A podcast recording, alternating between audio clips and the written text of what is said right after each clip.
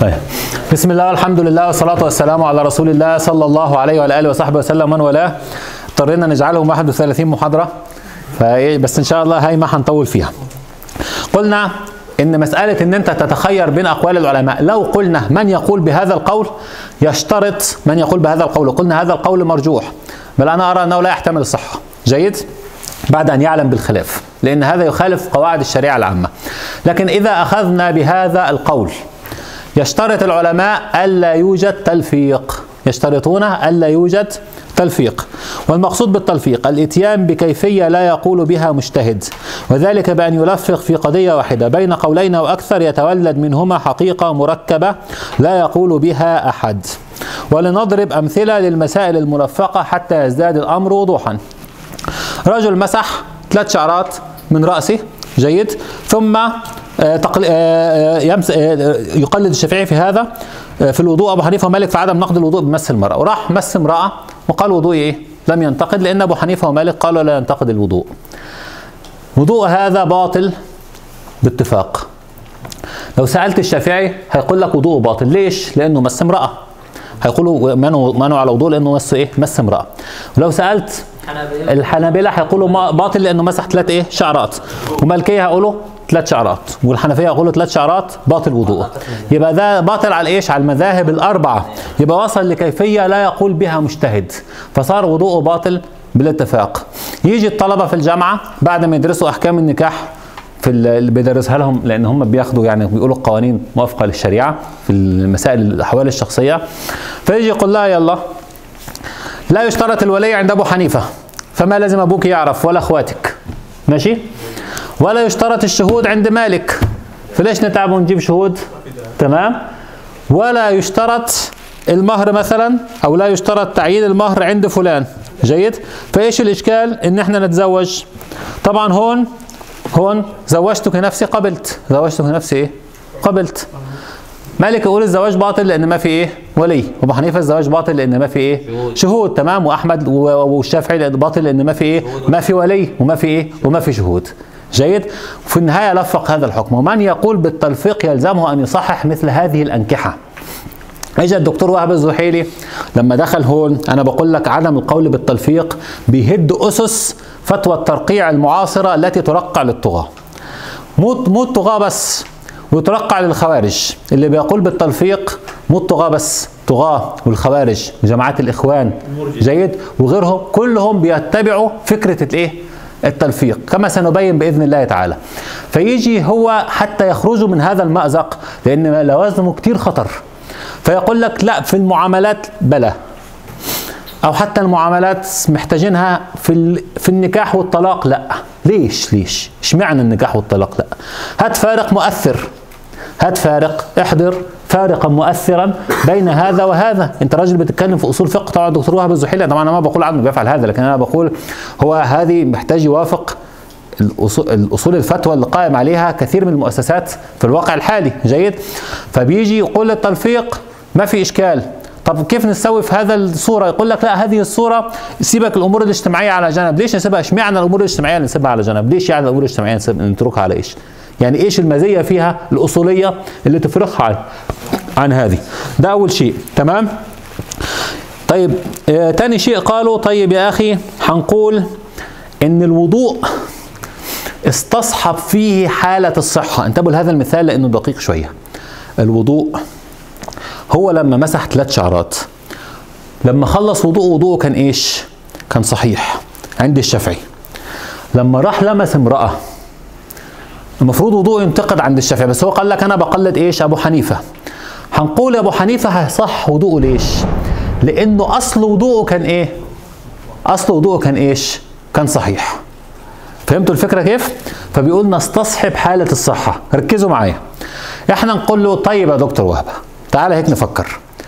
واحد وهو بيتوضا مسح ثلاث شعرات وأثناء الوضوء لمس زوجته سند عليها كرمال يغسل رجله. قبل ما ينعقد الوضوء صحيحا. والشافعية بيروا إن الوضوء لا ينعقد صحيح إلا بعد نهايته. لا يرفع الحدث إلا بعد أن ينتهي. إيش حكمه؟ هتقول لي بطل؟ هو بطل هو لم ينعقد صحيحا عند الشافعي لم ينعقد صحيحا عشان ما تقول لي است- استصحابنا حالة الإيش؟ حالة الصحة. فهتقول لي بطل تمام؟ يبقى إيش الفارق بين قبل الوضوء وبين بعد الوضوء؟ وما تقول لي استصحاب حالة الصحة هذا كلام ليس لك فيه سلف. جيد ولا يصح أن تقوله. آه مصليا دخل في صلاته. مرتديا ثوبا لا يستر إلا القبل والدبر. مالكي. جيد ثو- ثوب لا يستر إلا القبل والدبر وعليه لعاب كلب. على أساس ان هو إيش؟ اللعاب الكلب منه إيه تقليدا للمالكية.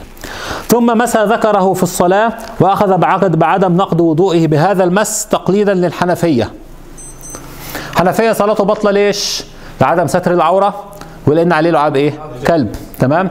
حنابلة لعدم ستر العورة لأن عليه لعاب إيه؟ كلب تمام؟ المالكيه لأن مس إيه؟ والشافعي نفس المسألة والمالكيه لأن مس ذكره ولم تنعقد الصلاة صحيحة في الأصل تمام؟ حتى أنا اذل لكم هذه لأن التلفيق التلفيق هو بلية العصر الحديث. جيد بلية العصر الحديث. تمام؟ وهو مذهب الخوارج ومذهب الكذا اللي هم بيدعوا الإسلام السياسي وكل هدول. وهو اللي بيفرق بيننا بين الطريقة اللي نح- انت ناس بتقول لك إيش؟ إما أبيض وإما أسود. إما تاخد لي فقه الدليل وإما أنت تبع الإيه؟ تبع الملفقين اللي بينتقوا بين الفتاوى. والمذهب الحق اللي عليه الأئمة المحققين ابن تيمية وابن القيم والشاطبي والغزالي وغيره تمام؟ وابن قدامة. المذهب الحق صار مطمور في هذه الأيام. تمام؟ لا أنا بقول لك حتى على الرأي اللي مخالفين هدول بيشترطوا عدم التلفيق. طب إيش رأي العلماء في التلفيق؟ قال ابن حجر الشافعي القول بجواز التلفيق خلاف الإجماع. يعني بيرى إن في إجماع على عدم جواز التلفيق. يعني قلنا في ثلاث آراء رأي يسأل الأعلم ورأي يسأل كذا وراي كذا. طيب اللي قالوا يتخير قالوا. مجمع على عدم جواز التلفيق. تمام؟ وقال محمد علاء الدين الحسقفي ابن علي الحنفي. طبعا الحنفيه هم بيميلوا لرأي التخيير. الحكم الملفق باطل بالإجماع. وشرح وشرح, وشرح كلامه ابن عبدين قائلا المراد وشرح كلامه ابن عبدين قائلا المراد بالحكم الحكم الوضعي كالصحة. مثاله متوضئ سال من بدنه دم ولمس امرأة ثم صلى. فإن صحة هذه الصلاة ملفقة من مذهب الشافعي والحنفي والتلفيق باطل فصحته منتفية. وقال القرافي المالكي في شرح المحصول. إن تقليد مذهب الغير حيث جوزناه يعني لو هتخرج من المذهب. ماشي. تمام؟ على رأي القرافي. مثلا أو حيث جوزناه اللي جوزه تمام؟ فشرطه ألا يكون موقعا في أمر يجتمع على إبطاله. الإمام الذي كان على مذهبه والإمام الذي انتقل إليه. فمن قلد مالكا مثلا في عدم النقد بالمس الخالي عن شهوة فصلى فلا بد أن يدلك بدنه ويمسح جميع رأسه وإلا فتكون صلاته باطلة عند الإمامين. مالك والإيه؟ والشافعي. يبقى ما تمسح لي الخف وتمسح لي ثلاث شعرات. هيك وضوءك وضوءك باطل بالإجماع. وضوءك باطل بالإجماع. تمام؟ طيب. نعم؟ الجورب الجورب أقصد الجورب آه واحد تاني يروح يحط لك لحم خيل يطبخ لحم خيل في إناء مغسول ثلاثة فقط من ولوغ الكلب. هذا أكل محرما بالاتفاق. إما لأن لحم الخيل حرام عند الإيش؟ المالكية. عند المالكيه وإما إن هو أكل في إناء نجس عند الإيه؟ عند ال- عند أحمد وإيه؟ وأبو الشافعي. جيد؟ واضح هكذا ولأن لحم الخيل أيضا محرم عند الإيه؟ عند الحنفية. وخلافات الفروع مبنية على الأصول. فاحيانا واحد يجيب لك هيك يلفق مسائل يا أخي هو الأصل هذا لا ينتج إلا هذا والأصل الثاني لا ينتج إلا هذا. فأنت لما تلفق بين مذهبين أنت لفقت بين الأصول وهذا باطل. وال- واللي قالوا إن الحق متعدد يجوا في الأصول يقولوا الحق إيش؟ واحد. تمام؟ ما بيختلفوا في هذه المسألة. تمام؟ المسألة لها تفصيلات أكثر لكن أنا ما ما يعني ما في وقت للتفصيل.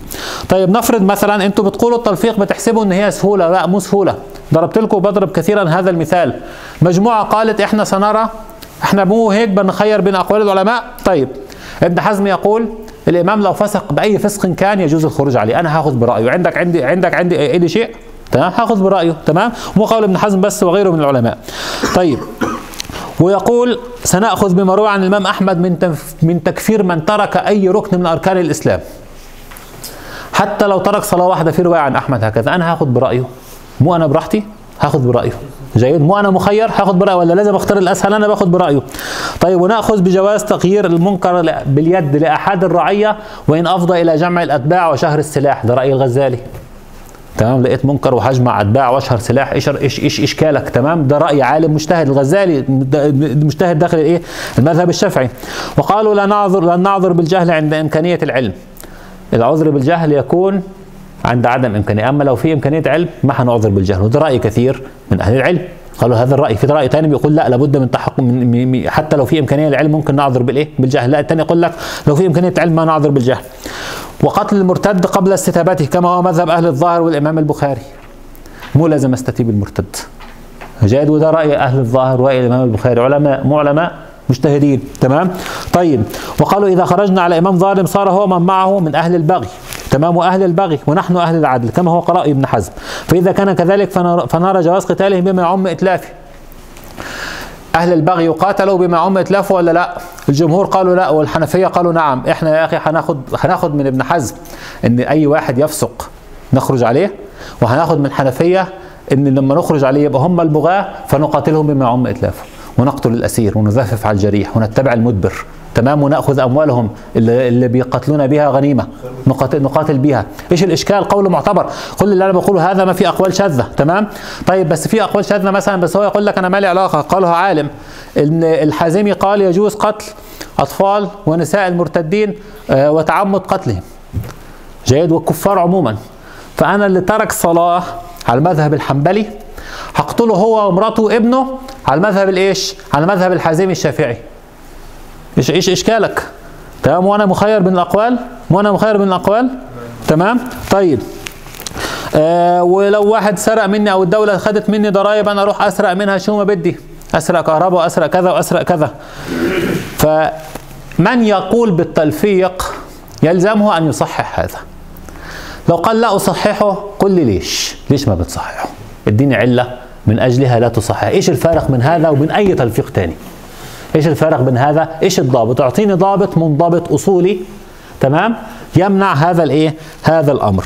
المهم الشاهد خلاصة ما أود أن أقوله آه أن جمهرة علماء المسلمين يمنعون التلفيق لذاته بل ونقل البعض على منعه الإجماع ولو لم يكن التلفيق ممنوعا لذاته لمنع منه لما يؤدي إليه من مفاسد في الدين والدنيا. وأن السماح للمقلدين بالاختيار بين المذاهب وقال العلماء غالبا ما يؤدي إلى التلفيق الممنوع والخروج بعبادة أو معاملة يجمع على بطلانها. تمام؟ طيب يبقى مما سبق يتضح أن السياسة الشرعية الصحيحة للعاجز عن الاجتهاد مطلقا أو في مسألة مختلف فيها أن يأخذ بقول أعلم المختلفين عنده وإن بدا له أن هذا الرأي فيه تضييق أو مشقة فطالما أن الأعلم بنص مذهبه أو بأصوله للقادر على التفريع عليها لم يعتبر لم يعتبر هذا آه، لم يعتبر هذا التضييق وهذه المشقة مغيرة للحكم فيكون هذا هو غالب الظن أن الحق عند المقل... أنه الحق عند المقلد واتباع غلبة الظن واجبة. تمام؟ بقيت مسألة نختم بها وهي مسألة تحقيق المناط. أحيانا نقرأ قول العالم. أحيانا نقرأ قول العالم. ونيجي نطبقه في الواقع فنطبقه غلط بناء على فهم خطأ لقول العالم. فهل نقول لابد إن يجي العالم يفهمني ويحقق لي المناط يعني إيش تحقيق المناط يعني تنفيذ هذا الأمر على الأرض. تنفيذ هذا الأمر على الأرض. نعم الخطأ وارد في تحقيق المناط لكن غلق باب تحقيق المناط يفضي إلى تعطل الشرع عموما. مثال خليك معايا يا أبو سرية آه واحد قال إن يسير التغير في الماء التغير اليسير في الماء بطاهر لا لا يسلب الماء طهوريته فيجوز إن أنت إيه تتوضأ بهذا الماء. الماء طهور وطاهر عند بعض أو عند أغلب المذاهب فيقول إذا اختلط به ماء تغير يسير لا يسلب طهوريته هل هنا محتاج المجتهد يجي يقول لي هذا تغير يسير ولا كثير؟ لو أنا محتاج هذا انقطع باب الإيه؟ هنا أنا بقى ده نوع اجتهاد اسمه اجتهاد العام في تحقيق المناط. أنا بقى بقول هذا تغير يسير ولا تغير إيه؟ كثير. في الوضوء واضحة. طب في الزكاة يقول العالم خذ منهم أوساط الأموال. هذه فتوى بحث في الشرع وجد إن أنت تاخذ وسط الإيه؟ أوساط الأموال. ما تاخذ لا كرائم الأموال ولا إيه؟ ولا المحقرات أو ولا الأموال اللي فيها عيوب. طيب مين اللي يقدر هذا أوساط هذه أوساط الأموال؟ الشخص ده. الشخص اللي بيروح يجيب الإيه؟ الزكاة جاب الزكاة. هو اللي بيقدر هذا أوساط هذه أوساط الإيه؟ الأموال. لازم يجيب العالم يجتهد له؟ لا وإلا توقف انقطعت الإيه؟ انقطعت العبادات وانقطعت المعاملات. طيب البيوع. أفتى العالم إن العلة في الذهب والفضة الثمنيه إن هي أثمان هي نقود تمام؟ فاجا واحد لقينا ين الين الياباني. محتاج أسأل العالم طب الين الياباني يجوز فيه التفاضل ولا لا يجوز أو النسيئة؟ ما محتاج. أنا بحقق هذا الإيه؟ أنا بحقق هذا المناط بناء على فهمي لكلام العالم. طيب أفتى العالم إن لا يجوز قتل الزمنة. من الكفار. إيش الزمنه اللي هم لا يستطيعوا؟ آه عنده مرض مزمن تمام؟ فأفتى لا يجوز قتل الزمنه أنا جيت لقيت واحد كافر ما عارف مرضه ده مزمن ولا مو مزمن أو يعني بشوف مرضه مزمن ولا مو مزمن. بدي العالم يجي يقول لي مرضه مزمن ولا مو مزمن؟ لا أنت أفتيت وأنا إيش؟ وأنا بحقق المناط. طيب قال العلماء يجب القتال. أنا عمال اصعد, لكم اصعد لكم. يجب القتال مع الإمام العدل ضد الخارجين عليه. لازم يجي عالم يقول لي هذا عدل وهدول خارجين عليه؟ لا. تمام؟ يكفي إن هذا عدل بيقيم الشريعة تمام؟ وبيقيم بيقيم العدل في الأرض وهدول خرجوا عليه يبقى لابد أن نقاتل مع هذا ضد إيش؟ ضد هؤلاء تمام؟ مو يجب هو يجي يحقق لي المناط ويقول لي هذا إلا إذا كانت في مسألة العالم قال فيها من يحدد هذه المسألة هو العالم مثل مسائل التكفير. يعني مثلا لو عالم قال من سب الله عز وجل كافر ولا مو كافر؟ كافر تمام؟ طيب وقال لك إلا إذا كان مجنون أو كذا حط حط لك الايه مجنون أو لا يقصد. أنت لقيت واحد لا مجنون وقاصد. يبقى كافر محتاج عالم يجي لك؟ ما محتاج. سب الله عز وجل لا مجنون وقاصد يبقى كافر. تمام؟ منتهية. ما محتاج عالم مجتهد يجي يفتي لي في هذه المسألة. لكن لو قال هذه لابد من استيفاء شروط. وانتفاء موانع ومن يستوفي الشروط وتنتفي الموانع فيه تمام؟ أو من يتحقق من استيفاء الشروط وانتفاء الموانع هو العالم الإيه؟ المجتهد أو العالم المطاع أو السلطان المهاب أو العالم المطاع. يبقى اذا هون لا يجوز أنت أن تقيم الحجة في هذه المسألة لأن العالم قال لك لا تحقق أنت المناط. تمام؟ أحيانا بعض أهل العلم يحققون بعض المناطات. حتى يسهلوا على المقلدين يوضح مسألته. مثلا يجي ابن تيمية يقول التغير الكثير في الماء يفسد الماء يحوله من طهور لإيه؟ يعني يحوله من طهور لماء تاني. وراح ضرب مثال. قال مثاله التغير الذي الملح الذي يغير طعم ماء البحر هذا تغير يسير. فضرب حد حتى تعرف أنت إيش؟ إيش حدود التغير؟ يعني لو تغير طعم الماء بصابون نفس درجة تغير ماء البحر بالملح هذا تغير إيش؟ يسير. ضرب لك حد حتى تدرك إيش معنى والحد ده مخرجه مستخرجه من الإيه؟ من الشريعة. يجي الإمام مالك يقول إن لو تعامل الناس بالجلود كنقود جرى فيها الربا. ليش حضر حط هذا حتى يوضح لك المسألة. طبعا يقول الشاطبي هذا الكلام الذي ذكرته لكم يفصله الشاطبي يقول الاجتهاد على ضربين أحدهما لا أحدهما لا يمكن أن ينقطع حتى ينقطع أصل التكليف.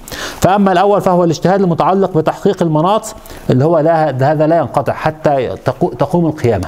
اللي هو تحقيق المناط.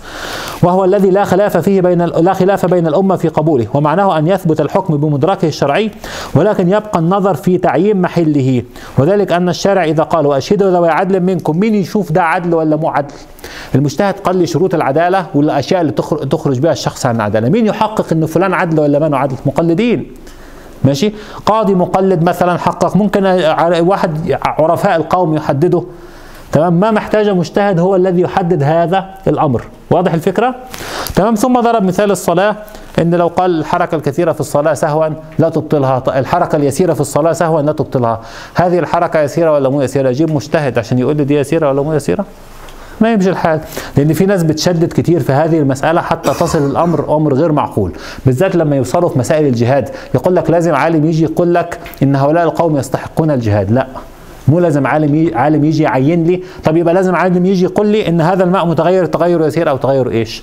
تغير كثير. طالما أنا فهمت كلام العالم خلاص. إشكال ممكن ما افهمهوش بالذات كلام العلماء السلف ممكن واحد ما يفهمهوش فهذا فائدة المجتهدين في المذهب اللي هم بيفهموني هذا الكلام. فائدة المجتهد الرتبة الخامسة إن هو بيفهم الناس الموجودين في عصره كلام الإيه؟ كلام الإمام. فهم كلام الإمام خلاص تعمل بهذا الكلام. تبقت مسألة. مسألة في تحقيق المناط. افرض العالم قال لك هذا تغير كثير. وانت وجدت ان هذا تغير يسير في الماء. يا أخي ربنا اكرمك وسافرت ما هقول لك اعتقلت. سافرت مع عالم مجتهد. جيد؟ وانت في الطريق صار مع عندكم ماء. جيت وضح حطها في طمه إيه؟ قال لك لا لا ده ماء تغير إيه؟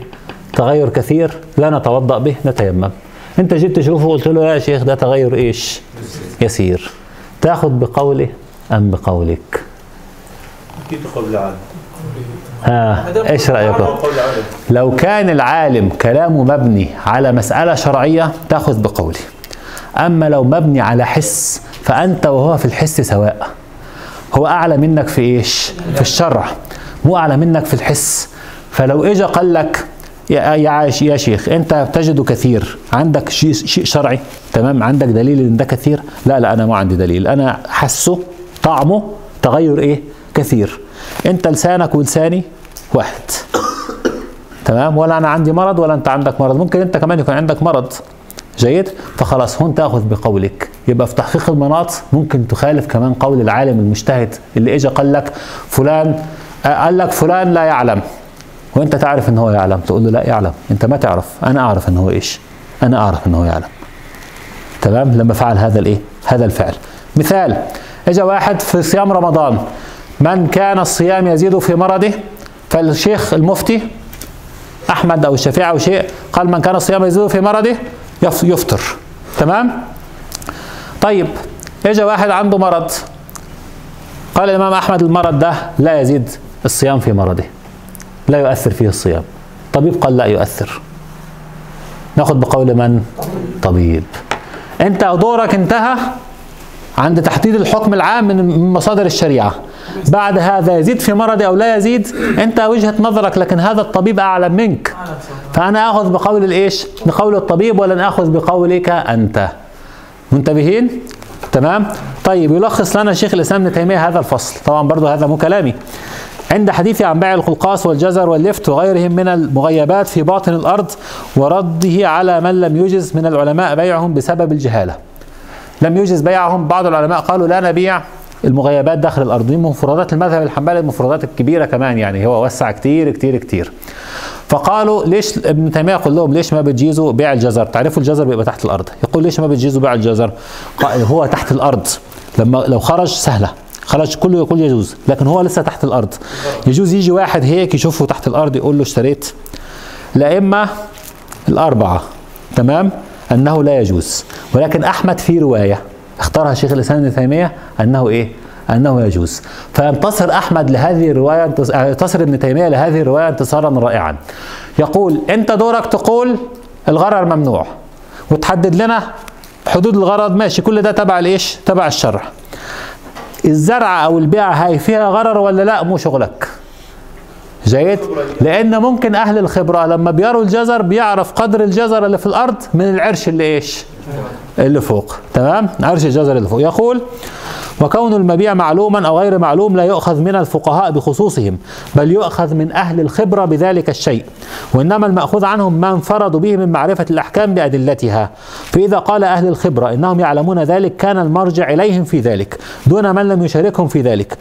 وإن كان أعلم بالدين منهم كما قال النبي صلى الله عليه وسلم لهم في تأبير النخل أنتم أعلم بأمور دنياكم فما كان من أمر دينكم فإلي. وهذا يعني استدلال جميل بالحديث وحل إشكالات عند البعض في هذا الحديث.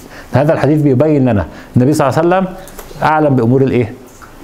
الدين. أما أمور الدنيا فكل واحد له إيه؟ له علم فيها. قد يكون أعلم من النبي صلى الله عليه وسلم فيها.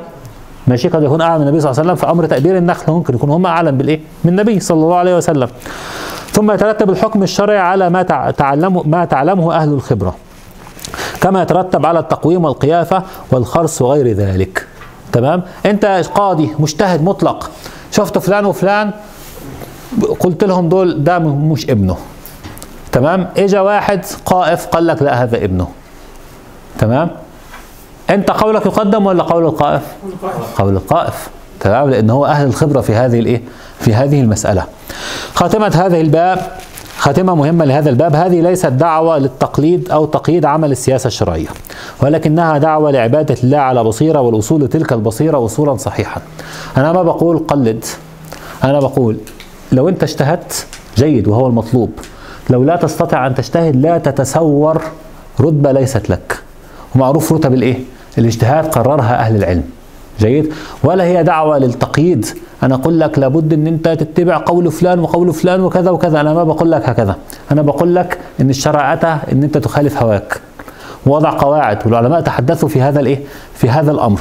فما يغلب على ظني أنه الشرع بالقواعد التي وضعها الشرع لا يحل لي ان اخالفه كيف أنا أقول أنا منتسب للشرع وبعمل سياسة شرعية وأعلم إن الحق في خلاف هذا القول؟ يغلب على ظني إن الحق في خلاف هذا القول ويأخذ به. من قال هذا؟ من قال هذا؟ في عاقل يقول هذا؟ جيد. طيب وليس الدعوة لقتل الإبداع وعدم مسايرة التغيرات الواقع وقيادته بالسياسة الشرعية الحكيمة فإنه إن كان الوصول لدرجة الاجتهاد المطلق صعب المنال فإن الوصول إلى درجة من درجات الاجتهاد داخل المذهب المختلفة متيسر بحول الله عز وجل. تمام؟ تستطيع تصل للرتبة الثانية تستطيع تصل للرتبة الثالثة ولو في مسألة من الإيه؟ ولو في مسألة من المسائل كما قلنا أن الاجتهاد يتجزأ. الزبدة. تحدثنا على مدار أبواب سبعة عن أصول وضوابط السياسة الشرعية وعن تطبيقات هذه الأصول وبينا بفضل الله أن السياسة الشرعية هي تدبير أمور البلاد وشؤونها الداخلية والخارجية والسعي في ذلك بما يوافق شرع الله تعالى ولأنها كذلك فأصولها التي تعتمد عليها هي أصول التشريع الإسلامي عموما لكن أولينا أهمية خاصة للقياس لأن كتير من مسائل السياسة بل كتير من مسائل الشرع عموما لها علاقة بالإيه؟ بالقياس أغلب الشرع أصلا على في, الإيه؟ في أحكام الشرعية في القياس. ورددنا على أهل الظاهر الذين يرفضون القياس ويسدون ما بعده من المصالح المرسلة أو المصالح الملائمة كما سميناها.